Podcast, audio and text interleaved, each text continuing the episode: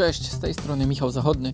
Miło mi gościć Cię w moim podcaście, w którym będę od taktycznej strony opowiadał o meczach, które obejrzałem, zawodnikach, których gra mnie zainteresowała, ale też o trenerach, zmianach, trendach i wydarzeniach, które warto przedyskutować. Co jest większym zaskoczeniem? Fakt, że Franka Lamparda pożegnano w ogóle, czy że zrobiono to w Chelsea w tym konkretnym momencie. Okoliczności łagodzących nie było już niemal wcale pokonywanie rywali z niższych lig w Pucharze Anglii ma być na Stamford Bridge po prostu stwierdzeniem faktu, a bycie legendą klubu nie uchroniło pozycji menedżerów, którzy znacznie wcześniej osiągnęli od Anglika więcej. Jednak dopiero w przypadku 12 zwalnianego przez siebie szkoleniowca Roman Abramowicz zdecydował się na komentarz na oficjalnej stronie klubu. Teraz oczywiście możemy to potraktować jako próbę załagodzenia sytuacji w oczach kibiców, zwłaszcza, że jak przy każdym trenerskim rozwodzie wychodzi na światło dzienne coraz więcej informacji o napięciach w Chelsea, o tym, że sam Lampard myślał o odejściu jeszcze latem, że jego życzenia transferowe ani nie zostały w pełni spełnione, ani jego propozycje nie odpowiadały do końca osobom na co dzień zarządzającym klubem. A ci zawodnicy, którzy trafili w przerwie między sezonami do Londynu, choć mogli liczyć na wsparcie menedżera przy podjęciu decyzji, to niekoniecznie na to, że rozmowami pomoże im w przełamaniu się w pierwszych trudnych miesiącach w Chelsea. Jakby tego było mało, to pozaboiskowe problemy warto rozszerzyć o kwestie zbyt szerokiej kadry, zbyt wysokiej intensywności treningów i zbyt krytycznych komentarzy Lamparda.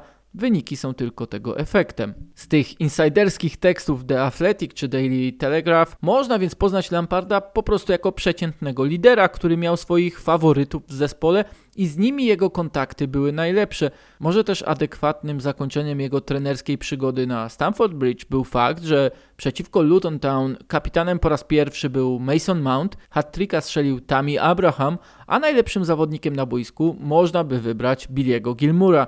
Każdy z nich został przez Lamparda wypromowany w ostatnim półtora roczu, a przecież tych zawodników z Akademii przewinęło się przez pierwszy skład nawet więcej. Narracja jest więc taka, że Lampard zawiódł jako lider, nie potrafił przełożyć na szatnię tych wartości, które zawsze stawiały go na czele zespołu, w którym grał, w którym mocnych charakterów nie brakowało. W szerszym kontekście należy jednak wskazać, że teraz profil drużyny się zmienił.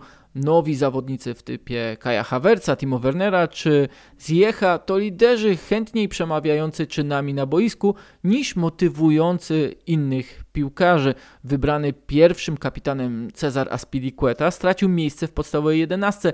Thiago Silva nie mówi jeszcze e, po angielsku tak płynnie. Kowacic czy Jorginho również nie przejmowali na siebie tego ciężaru odpowiedzialności. W jednej z relacji po ostatnim meczu z Leicester City, tym ponoć decydującym o zwolnieniu Lamparda, można było wyczytać, że oprócz kwestii taktycznych, jedną z bardziej wyraźnych przewag gospodarzy było to, jak są głośni oraz jak dobrze się komunikują piłkarze Brendana Rodgersa. Wróćmy więc na boisko i sprawdźmy, co tam nie zagrało w Chelsea. Jeśli bowiem sprowadzany jest Thomas Tuchel, to jego wybór wynika z profilu taktycznego szkoleniowca, umiejętności zorganizowania gry drużyny oraz nadania jej stylu stylu, którego Chelsea Lamparda miała coraz mniej.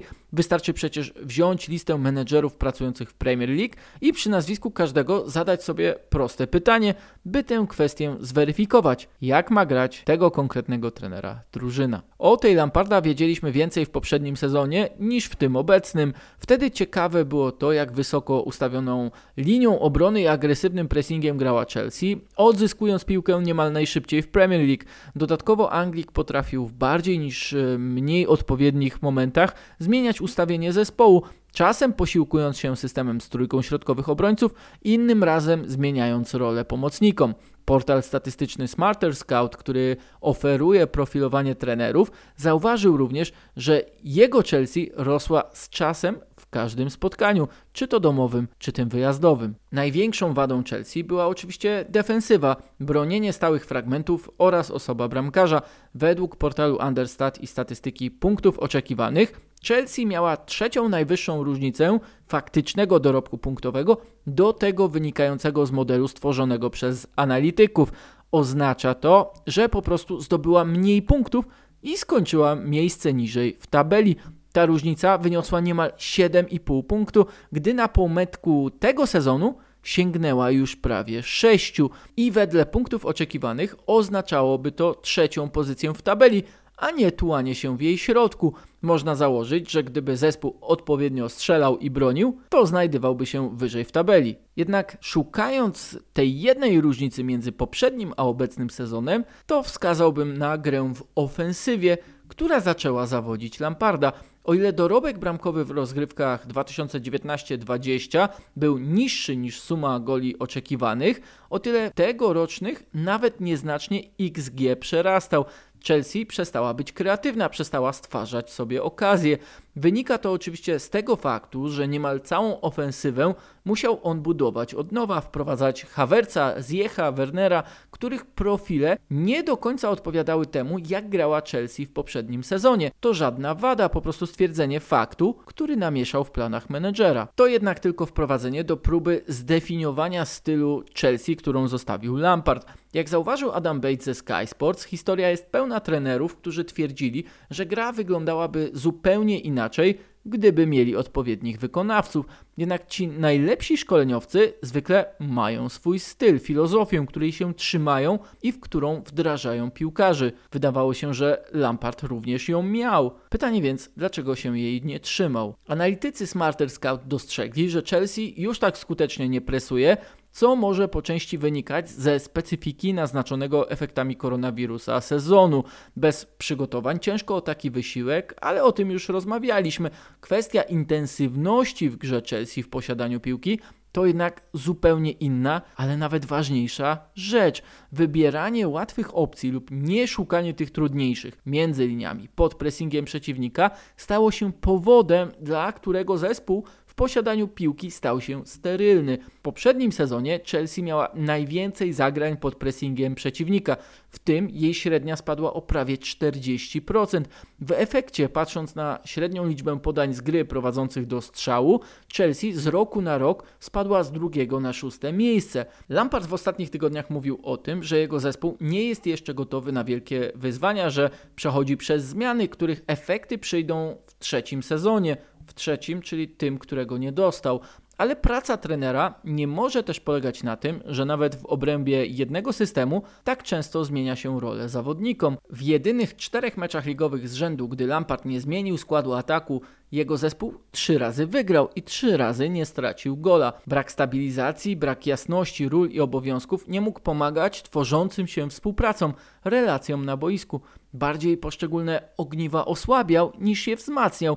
Wracając do tekstu ze Sky Sports, można wspomnieć wniosek Adama Bejta, który starając się nakreślić styl Chelsea, użył słowa hybrydowy, czyli łączący kilka z tych nowoczesnych aspektów taktycznych drużyn.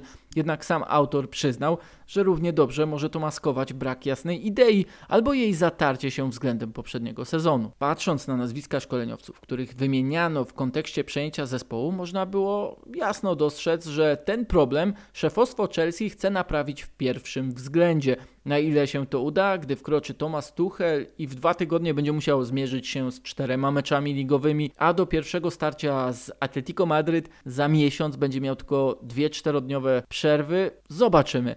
Wracamy więc do podstawowego problemu, którego rozwiązać nie potrafił Lampard. Jak w trakcie tak intensywnego sezonu nadać drużynie pozbawionej tyleż stylu, ileż pewności siebie, choć odrobinę charakteru i charakterystyki. Może nawet w misji Tuchela. Ważniejsze okaże się nie to, jakim jest trenerem, jaką ma zdefiniowaną taktykę, ale czy potrafi być liderem na czas kryzysu. Ten kryzys Chelsea jest sportowy, nie pasuje więc porównanie do tego, co zdarzyło się w Borussii Dortmund prowadzonej przez Tuchela w ostatnim jego sezonie, gdy zamach na życie jego drużyny doprowadził do rozłamu w relacjach z zarządem. Jednak pamiętając tamten okres oraz pracę Niemca w PSG, uważam, że w kwestii stylu nie będzie szedł na kompromis. Wejdzie do szatni, w której, zdaniem jego poprzednika, znajdzie piłkarzy nie wykonujących podstawowych założeń na boisku. Czy wobec tego zacznie od nich wymagać zmian ustawienia w trakcie spotkań, wypełniania różnych ról w zależności od strefy boiska i sytuacji w meczu? Tak miał zwyczaju w poprzednich klubach. Tym starał się szukać przewagi nad rywalami. W Paryżu w tym sezonie zastosował więcej różnych ustawień niż Lampard w poprzednich rozgrywkach z Chelsea. Co oczywiście nie powoduje, że należy przekładać jego działania z Paryża na Londyn, z Ligue 1 na Premier League i brać je za pewnik, zwłaszcza, że specyfika ligi jest inna, siła tych drużyn oraz ich indywidualności również. I kto wie, czy ważniejsze nie będzie to, jakim liderem okaże się Tuchel, gdy będzie musiał zarządzać szatnią, w której część zawodników liczy na nowe rozdanie, część pozostaje w niepewności po letniej zmianie otoczenia, a jeszcze inni zastanawiają się, jak utrata trenera, który utożsamiał się z wychowankami akademii, wpłynie na liczbę minut przez nich rozegranych. Dlatego przy 47-latku spojrzymy przede wszystkim na to, jak może trafić do całej grupy, a nie konkretnych jednostek. W książce Edge autorstwa Bena Littletona sprzed 4 lat jest obszerny profil Tuchela w roli lidera i on nam bardzo pomoże. Szkoleniowiec w nim sam mówi, że piłkarza i jego intencje poznaje po oczach. Dostrzega w nich to, czy może mu zaufać, zbudować z nim relację, odbudować lub wykorzystać jego pewność siebie. Tuchel stawia kształtowanie osobowości zawodników na równi z poprawą ich jakości piłkarskiej. Littleton przypomina, że jeszcze gdy Niemiec pracował w Mainz, został zaproszony do wystąpienia na scenie w Rule Breaker Society, gdzie członkowie poznają różne sposoby na przełamywanie barier, zasad i metod działania, by uzyskać przewagę w swoim zawodzie. Tuchel jako przykład podał analizę przegranego meczu eliminacji Ligi Europy jeszcze z Mainz, gdy jego zespół miał ogromną przewagę, ale poległ w rzutach karnych. Szkoleniowiec wyczuł, że zespół jest załamany i zamiast przeprowadzić typową odprawę, pokazał akcję Michaela Jordana wraz z cytatem ze słynnego koszykarza o tym, ile meczów przegrał, rzutów spudłował, by stać się lepszym. Jego zespół w kolejnym meczu, już po kilkudziesięciu godzinach od porażki, zdołał pokonać faworyzowany Bayer Leverkusen. To wystąpienie można obejrzeć na YouTube, e, a całość Tuchel zwieńczył dość ciekawą frazą. Dla niego ważniejsze jest zapomnienie nawet najważniejszego i najmniej spodziewanego sukcesu niż przejście do porządku dziennego nad porażką. Może to hasło będzie najbardziej adekwatne do sytuacji, w jakiej znajdzie się po przejęciu Chelsea, podobnie jak inne kwestie, do których Tuchel przywiązywał uwagę i które wyróżniał w książce Littleton. Spędzanie przez zawodników więcej czasu razem, zajęcia tworzące mocniejsze więzi w grupie, równe prawa, według których funkcjonują piłkarze. Ma on swoje wartości, które zawodnicy po prostu muszą przyjąć. Mówi, że do osiągnięcia sukcesu wymagana jest osobowość. Ta książka oraz wykład w Rule Breaker Society dają obraz szkoleniowca, który nie jest zwariowany wyłącznie na punkcie taktyki, ale też dostrzega ogromne znaczenie motywacji. Rozróżnia jej trzy rodzaje u piłkarzy: agresywną, czyli cechującą zawodników zdeterminowanych, by stać się najlepszymi dla własnej satysfakcji. Drugim rodzajem jest motywacja wiążąca, która cechuje osoby pracujące dla drużyny, nawet jeśli będące w drugim szeregu. Trzecim jest motywacja ciekawa, wyróżniająca zawodników dopiero rozwijających swój talent i też nie do końca świadomych jego potencjału. Wydaje się, że właśnie takich piłkarzy znajdzie w Chelsea najwięcej i z nimi będzie musiał pracować wedle metod treningu różnicowego, które wypracował wraz z profesorem Wolfgangiem Schilhornem. Myślę, że do tego będzie okazja jeszcze wrócić w jednym z przyszłych nagrań podcastu. Natomiast w samej książce, która tak ciekawie profiluje Tuchela jako lidera, jest jednak wątpliwość dotycząca właśnie jego pracy w Chelsea. Cztery lata temu mówił Littletonowi, że dotychczas pracował w klubach, których filozofia pozwalała mu rozwinąć estetyczny styl gry, na którym tak mu zależy. Rozróżniał jednak charakterystykę klubów, których celem było wygrywanie za wszelką cenę, wskazując Atletico Madryt oraz właśnie Chelsea. Zastanawiał się, co by mogło się zdarzyć w razie propozycji pracy w takim klubie, czy musiałby pójść na kompromis, czy nadawałby się jako charakter ze swoim podejściem do tak wymagającego środowiska. Jest to dosyć mocna wątpliwość, ale czymś Chelsea musiała Tuchela przekonać, że zmienił swoją opinię i jednak przejmie drużynę. Na koniec poświęconego mu rozdziału Tuchel podaje trzy rady, jak zyskać przewagę. Po pierwsze, nie należy bać się mocnych działań, które są inne i nowe, a przede wszystkim lepsze. Po drugie, być szczerym, uśmiechniętym, pomocnym i otwartym dla ludzi, z którymi się pracuje. Po trzecie, być dla nich dostępnym w każdym momencie i w każdej sprawie. Chyba w tym kontekście Chelsea może się udać nie tyle zmienić całkowicie kierunek, w jakim podążała drużyna, ale po prostu cały proces przyspieszyć w kwestiach relacji w drużynie i jej stylu gry na boisku. Nawet jeśli oznaczało to wyrzucenie legendy, to trudno się dziwić, że Abramowicz skorzystał z okazji i zgarnął z rynku trenerskiego właśnie Tuchela. Pytania o to, na ile i na jak długo sam klub zdoła się dostosować do stylu pracy Niemca, na razie odkładamy na przyszłość, pewnie bliższą niż teraz nam się to wydaje.